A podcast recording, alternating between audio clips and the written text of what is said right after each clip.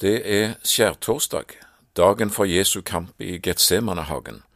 La oss lese sammen en tekst fra Hebreabrevet, et avsnitt som ganske tydelig peker nettopp mot eh, Jesu bennende kamp.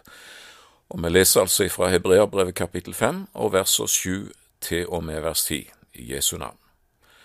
Han, Jesus, har i sitt kjøds dager med sterkt skrik og tårer båret fram bønner og nødrop til ham som kunne frelse ham fra døden, og han ble bønnhørt for sin gudsfrykt. Enda han var sønn, lærte han lydighet av det han led, og da han var fullendt, ble han opphav til evig frelse for alle dem som er lydige mot ham, og han ble av Gud kalt ypperste prest etter Melkisedeks vis.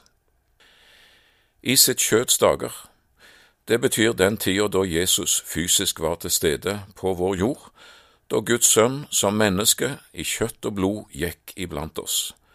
33 år av verdens historie, fra hans unnfangelse i mors liv, hans fødsel i Betlehem, hans liv og tjeneste iblant oss, til hans død på korset i Jerusalem, etter Skriftene, og så hans eh, oppstandelse og triumf over døden i alle dens former og hans himmelfart fra Oljeberget. 33 år i verdenshistorie. 33 år som eh, forandrer alt. Den 20. august 1940 talte Winston Churchill til det britiske underhus, og han æra RAFs heltemodige flygere for deres innsats mot de tyske luftangrep. Aldri har så mange hatt så få å takke for så mye, sa Churchill. Ja, de fortjente store ord, og sir Winston presiserte at dette gjaldt i historien om menneskelige konflikter. Men en større konflikt er i gang mellom Gud og djevel, mellom lys og mørke. Det gjelder frelse og fortapelse. Og vi har én å takke for alt, at frelse finnes og kan mottas, en som alene kjempa og seira på vegne av alle mennesker. Aldri har så mange, faktisk alle, hatt én å takke for så mye, ja, for alt. Så lar òg vår tekst oss se inn i noe av de omkostninger dette innebar for Jesus. Teksten presiserer i vers åtte at han var, og han er, Guds sønn, men altså ikke fjern ifra oss, ikke høgt heva over verdens støy og larm. Han kom til oss, blei menneske. Ja, Skriften sier han ble prøvet i alt i likhet med oss. Men der slutter òg likheten, for hebreerbrevet tilføyer prøvet i alt, men uten synd. Jesus hadde ingen egne synder. Hvor hardt han blei pressa, og hvor sterkt han blei frista. Jesus sto prøven.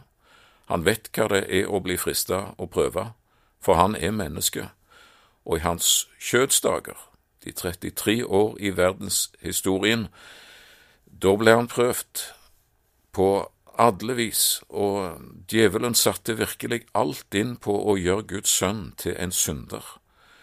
Jesus sto enhver test, enhver prøve. Han måtte det for å bli opphav til evig frelse for oss. Ved enden av den veien Jesus gikk, venta korset. Hvert skritt var ett skritt nærmere Golgata. Jesus visste alltid det, og nå var han nesten framme. Og paradoksalt nok, han som bar verdens synd, han kunne ikke ha egne synder å bære. Han som skulle bli gjort til synd, han kunne sjøl ikke ha gjort noen synd. Han måtte være rein, hellig, syndfri. Bare sånn kunne han bli en forbannelse for vår skyld. Djevelen forsøkte så visst på alle vis å gjøre Jesus til en synder, og kunne ikke det, men Gud gjorde noe ufattelig. Han som ikke visste av synd, altså Jesus, har han, Gud, gjort til synd for oss, for at vi i ham, i Jesus, skulle bli rettferdige for Gud. Og dette var Jesu angst i Getsemanehagen, etter hans avskjedstale til sine disipler i Johannes kapittel 14-16, etter Jesu inderlige, intense forbønn for sine i det syttende kapittel. Da de reiste seg, gikk ut, satte kursen mot Oljeberget, gikk over Kedronbekken og inn i hagen, Getsemane. Det henger mange vakre Getsemane-bilder på vegger, i hus, i kjerker, i bedehus, og de ånder av harmoni, himmelen som er stjerneklar og åpen, fullmånen kaster sitt lysskjær, Jesus sjøl med ansiktet oppadvendt mot himmelen, hendene rolig folda i bønn. Alt lyser av fred, av harmoni. Men det er ingen idyll i Skriftens ord. Lukas forteller at han måtte rive seg løs, slite seg løs fra sine disipler i sin ensomme kamp. Markus beskriver at han kastet seg ned på marken. Matteus betror oss at han falt på sitt ansikt, og vår tekst forteller oss om sterkt skrik og tårer, om nødrop, og vi får vite òg at uh, hans svette rant som blodstråper denne dagen. Språkeksperten Barclay gjør uh, oss oppmerksom på at det greske ordet som brukes i vår tekst, er bemerkelsesverdig skrik. Og det er altså det ukontrollerte skrik ordet taler om, det som ikke kan holdes tilbake, skriket som presser og tvinger seg fram av en enorm spenning eller ulidelig smerte.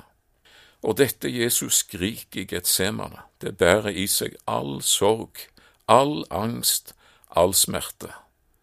Gjennomtrengende skrik, sier en bibeloversettelse. Desperat bønn, oversetter en annen. Hva er det vi ser i Getsemane? Det er Guds sønns angst for å bli forlatt av Gud. Det er den syndfries redsel for å bli gjort til synd. Det er nødropet ingen av oss er i stand til å fatte dybden i. Min far, kan ikke dette begeret gå meg forbi uten at jeg må drikke det, da skje din vilje. Jesus blei bønnhørt, sier ordet her. Han blei frelst fra døden. Ikke fra Golgata-døden, døden på korset. Det var den han nå innvier seg til. Men kanskje antyder ordet her at han blei frelst fra døden i Getsemane, at hans menneskelige kropp rett og slett ikke ville tåle eller orke byrden av angsten, av eh, redselen, av trykket av all verdens synd og Guds vrede. En engel viste seg å styrke han, og han blei bønnhørt. Definitivt taler ordet her om at han blei frelst ifra klippegravsdøden, altså fra å bli værende i sin grav i sin død, da han sto opp igjen og forlot sin grav i hagen der den tredje dag. Han blei bønnhørt for sin gudsfrykt, står der for døden kunne ikke holde på den hellige, den fullkomne. Så blir òg vi bønnhørt ikke for vår gudsfrykt, men for Hans gudsfrykt. Hebreabrev 4, vers 14-16. I vers 8 så hører vi at Jesus lærte lydighet av det han led, ennå han var Guds sønn. Filipperbrevet kapittel 2 utmaler dette for oss, hvordan han som menneske ga avkall på hele sine himmelske privilegier, fornedret seg selv og ble lydig, lydig til døden, ja, til døden på korset. Filipperbrevet 2 og vers 8. Jesus gikk virkelig veien til endes for oss, i den lydighet som kommer av agape, guddommelig kjærlighet.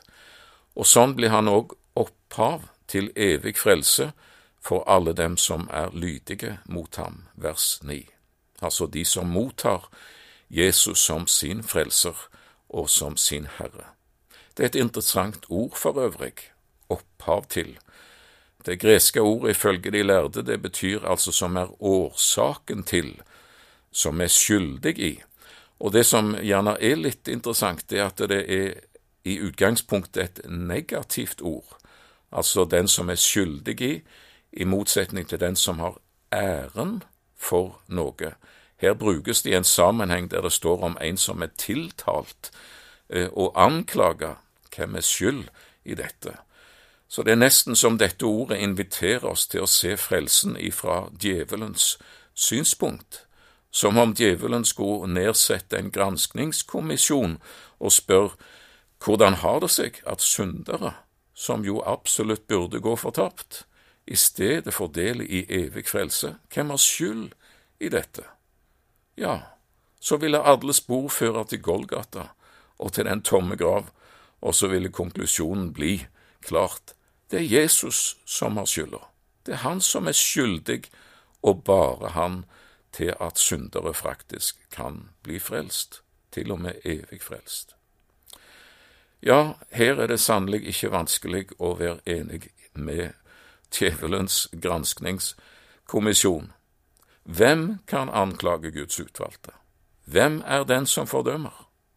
Kristus er den som er død, ja, mer enn det, som også er blitt reist opp, som også er ved Guds høyre hånd, som også går i forbønn for oss. Jesus har skylden for at du er frelst, og han har æren for din frelse til og med evig frelse, leser vi om her. Ja, ser du din frelser i Getsemane, ser du hans kamp, og kan du fornemme noe av, av den smerte som ligger i hans sterke skrik og hans eh, tårer og blodet som renner over hans panne i denne bønnekamp, kan du ane noe av dybden i hans nødrop og i hans bønn? Og forstår du at det var for deg personlig han kjempa denne kampen og holdt ut? Ja, for verden, det er sant, men det innebærer òg for deg helt personlig. Det finnes ingen annen måte å forholde seg til dette på enn den personlige, og det skal du vite, du som lytter. Jesus søker deg. Og så får vi i dag be denne bønnen, som står på nummer 664 i vår sangbok. Men skulle en gang blive kold min kjærlighet til deg, da minn meg om Getsemane og om din sved for meg.